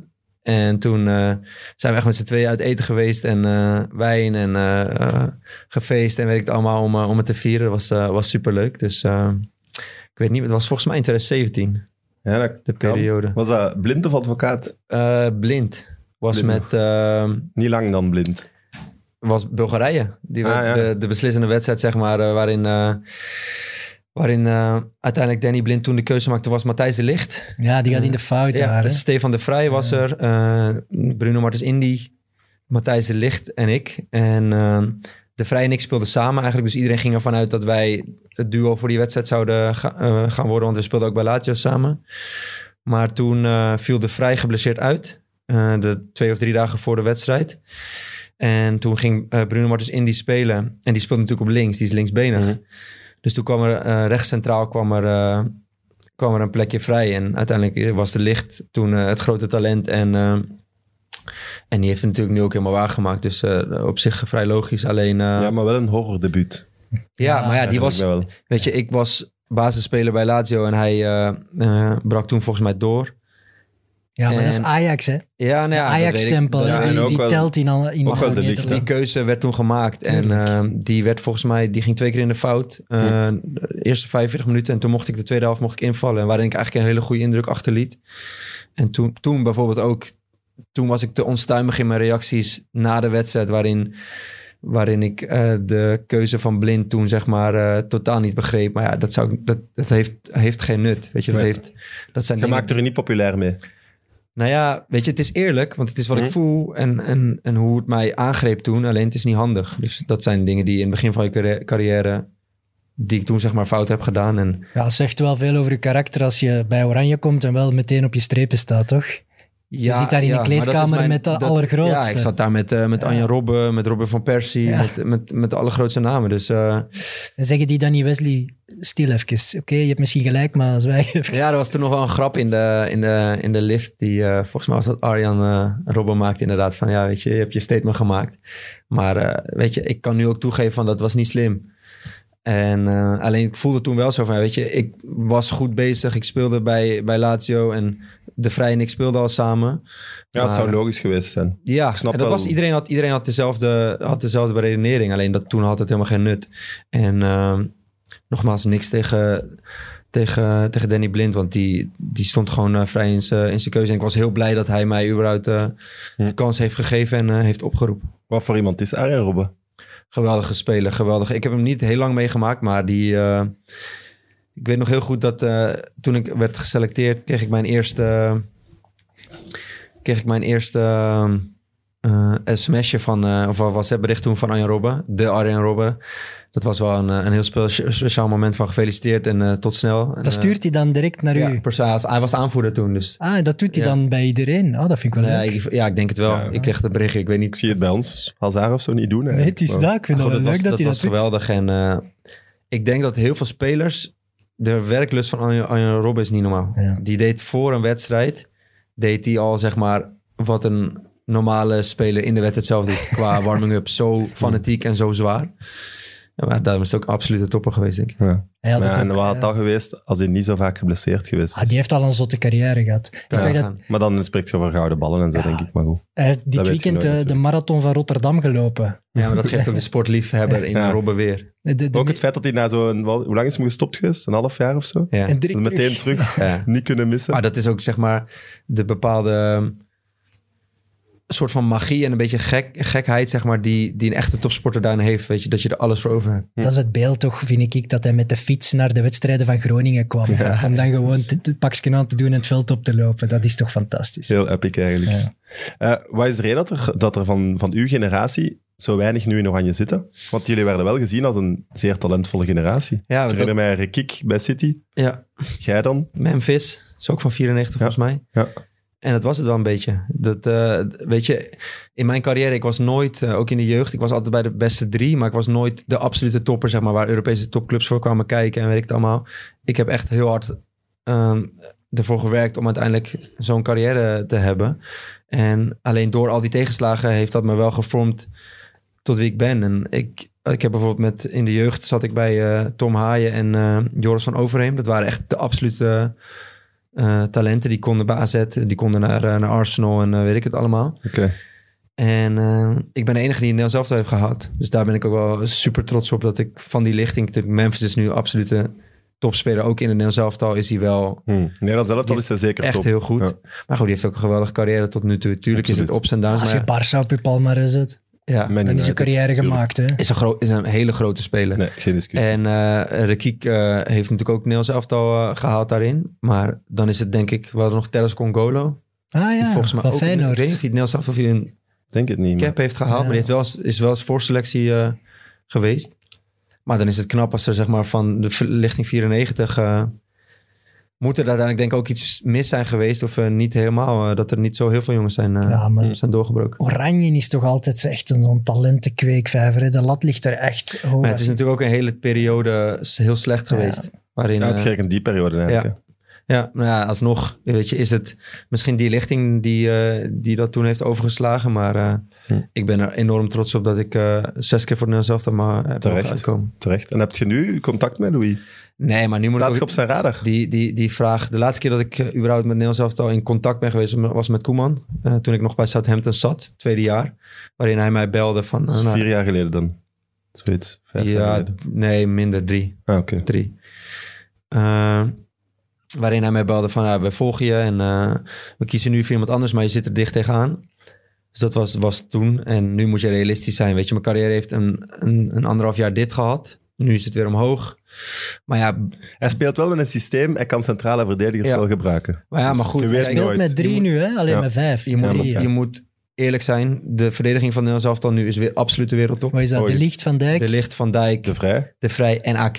Dat is Ja. Liverpool, Ja, ja. Inter, Juventus en Manchester City.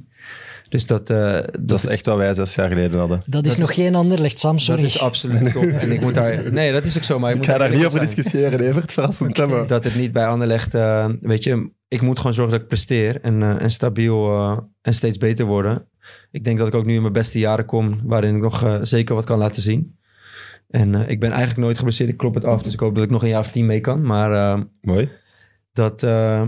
natuurlijk is het altijd een doel. En het moet voor een topsporter ook voor mij een doel blijven. Alleen je moet wel realistisch zijn. En eh, ik denk dat je er ook nederig in moet zijn dat... eh, dat het iets is waar ik naartoe wil werken, maar dan zou ik wel weer een stap moeten zetten. Heb je nog veel contact met internationals van nu?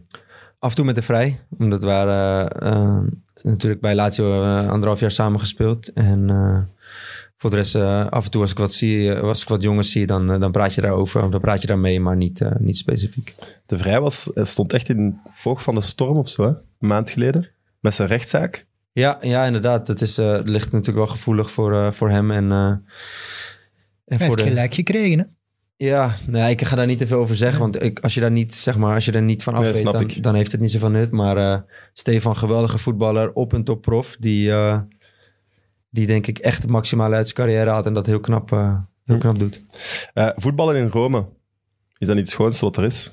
Ja, is geweldig. Het is echt... ehm, daarom ook, als, wat, wat ik hiervoor eh, ook al zei, van weet je, dat ik misschien daar een foute keuze in heb gemaakt. Ik, ik woonde in, in Italië in een prachtige villa met een zwembad. En je, je ging naar de training en je kreeg je cappuccino en, en, en, je, en je ei met, met avocado. En je ging trainen, behandelen en naar huis. En je kon weer in het zwembad gaan liggen, zeg maar.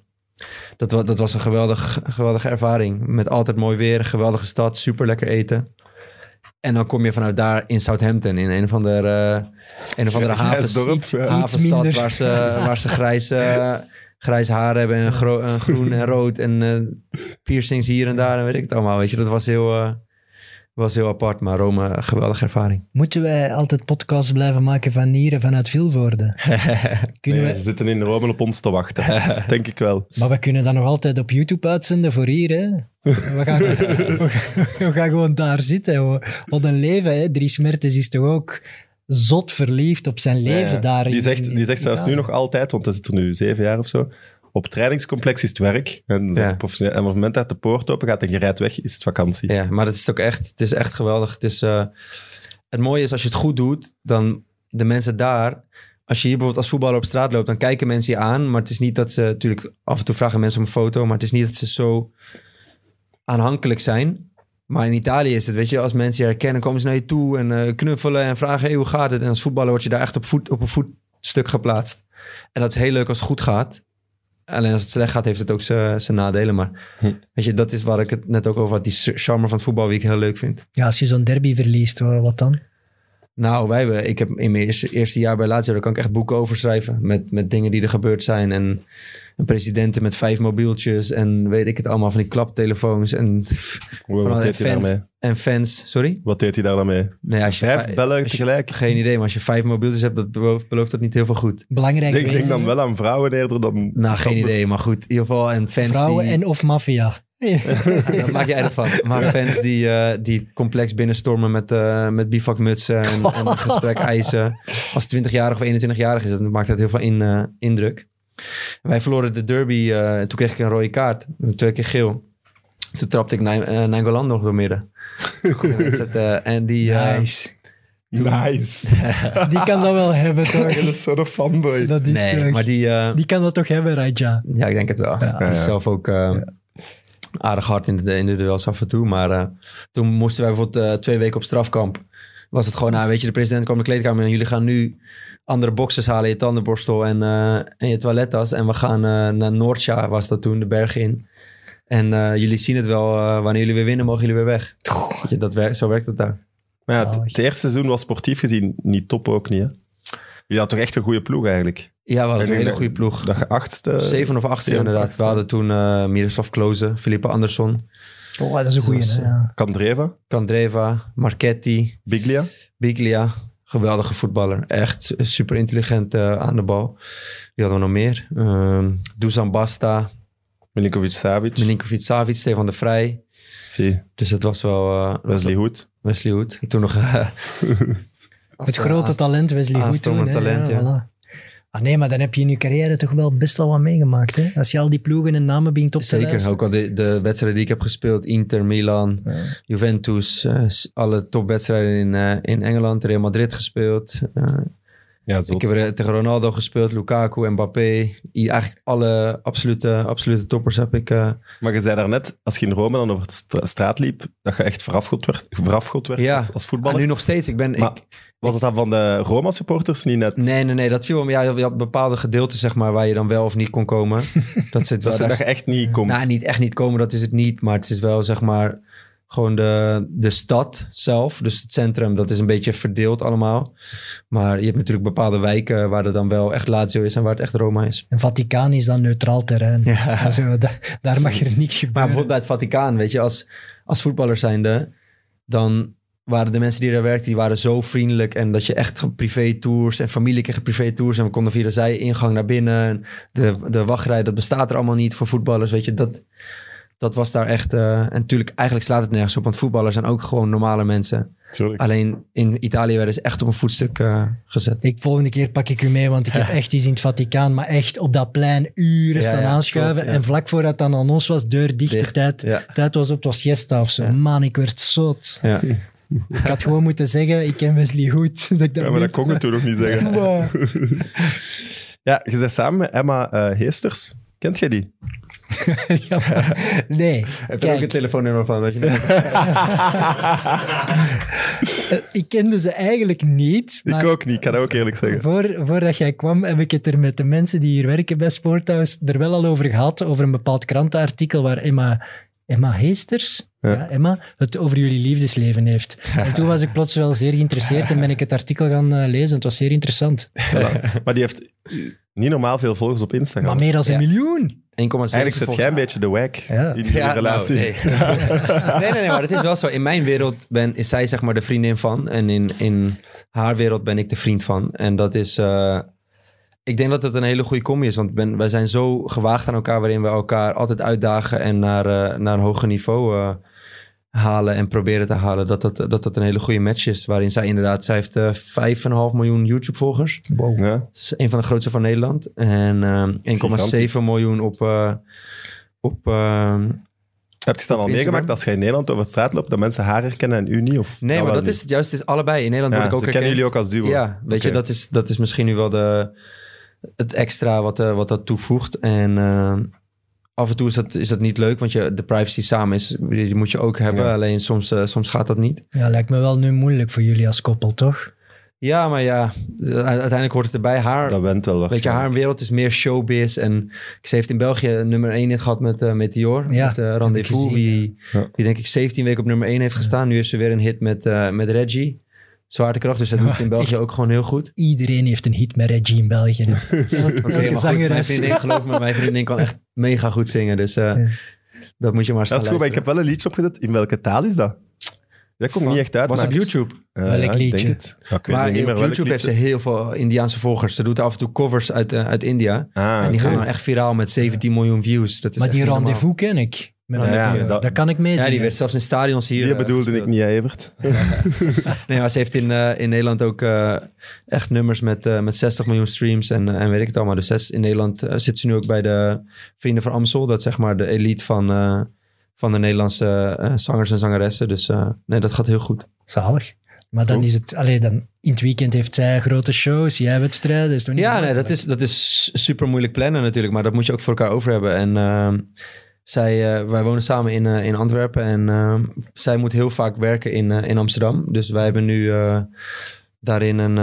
uiteindelijk moest zij de hele tijd heen en weer rijden, maar dat is twee uur rijden en twee uur terug, dat is niet te doen. Dus we hebben nu een chauffeur voor haar geregeld dat dat, dat, dat al veel beter werkt, waarom, waarom ze ook naar shows wordt gebracht. En soms ga ik dan mee als het kan. Dus ja, een dag voor de Ja, wedstrijd je heeft- moet ook steunen natuurlijk. ja, tuurlijk. Ja. Je moet het, zij, kijk, zij komt ook mijn voetbalwedstrijden, voetbalwedstrijden kijken. En, eh, en eh, ik heb natuurlijk ook een, eh, eh, twee kinderen waarin zij ook eh, super... eh, daar gaat ze echt super goed mee om. En eh, daar is ze echt een super goede bonusmoeder voor. Die, eh, Bonusmoeder. die echt is, met haar- woord. Ken met ik haar, niet. weg, echt met haar weglopen. Maar ehm, je moet elkaar gewoon steunen. En je moet, je moet echt zeg maar zoeken naar, eh, naar de juiste balans daarin. Voilà. En misschien is dan in Antwerpen wonen voor jullie als koppel wel beter. Want als jullie in Amsterdam zouden wonen, zou er nog een paar Ja, maar nee, dat, zijn. dat kan ook. Kijk, ik moet dagelijks, maken, naar, ik moet dagelijks naar de club. ik doe nu ook al Antwerpen, eh, Brussel is gewoon goed te doen. In de coronatijd was het fantastisch. Was echt, echt Anderlecht moet je toch al een pak van de Brusselse Ja, maar in corona Ja. niet. Dat was dat. Nee, het was echt geweldig. Was, Ja. Toen dacht ik, mijn zaakwaarnemer zei ook van, moet je wel in Antwerpen gaan wonen? Toen zei ik van, ja, weet je, je moet wel, je moet ook naar elkaar kijken. Je moet realistisch zijn. Ja. Alleen, eh, nu, het is nu elke dag 40 minuutjes, dus dat is heel goed te Ça doen. va. Ja. Tijd om een podcast te luisteren in de Ja, absoluut. Voilà. Wesley, niet dikke dat- merci. Ik denk, ik denk niet dat hij naar Meet Meet luistert. Ik denk dat hij naar Emma Heesters eh, Spotify luistert. Nee, ik luister altijd eh, motivational quotes. Elke ochtend. Echt? Ja. Nice. Maar in het Engels dan? ja. En dat is gewoon iemand die, die dat Van inspreekt. iedereen, nee, iedereen door elkaar. Van The Rock naar eh, Tony Robbins naar... eh, Sam Kerkhoff. Echt Maar, maar komt je dan niet op de club echt helemaal Jawel, ja. Helemaal hype. Ik zou, ik zou echt mijn deur van mijn auto al uit... Ja, daarmee dat hij met Vincent neus aan neus staat. Dat zijn die motivational quotes. Nee, natuurlijk. There's Er is ook no- wel eens af en toe muziek no of zo. Maar dat is, eh, team. moet je, het is een aanrader hoor. Het is echt motivational speakers. Ah, wel, ik ga dat doen. Als je maar Als Tony ik Robbins... volgende week helemaal anders ben, dan is dat zo. Ja, maar dat staat hier zo hyper als iets. Ai, Dat is ai, altijd. ai, Wat heeft u nu gezegd? Alles wat je, doet, wat je doet, moet je 100% doen. Hè? Ja, Voilà. dat is waar. Dat is mooi gezegd. Veel succes maandag, alleszins in de beker. Dankjewel. Wij gaan dus komen kijken Yes. met merchandise aan. Moet ik dat allemaal aandoen? Je mag alleen binnen als je de trui aan doet. Hè? Kom Oké. Ja, maar dan doe ik het aan. Dan doe ik het aan. Voilà. Evert, dikke merci om te komen. Yes. We zijn precies klaar om naar een of andere Johnny Rave eh party te gaan. Jij altijd. Goed. Aan de kijkers en luisteraars, tot volgende week. Bye. Mit Mit, de voetbalpodcast van Friends of Sports en Play Sports.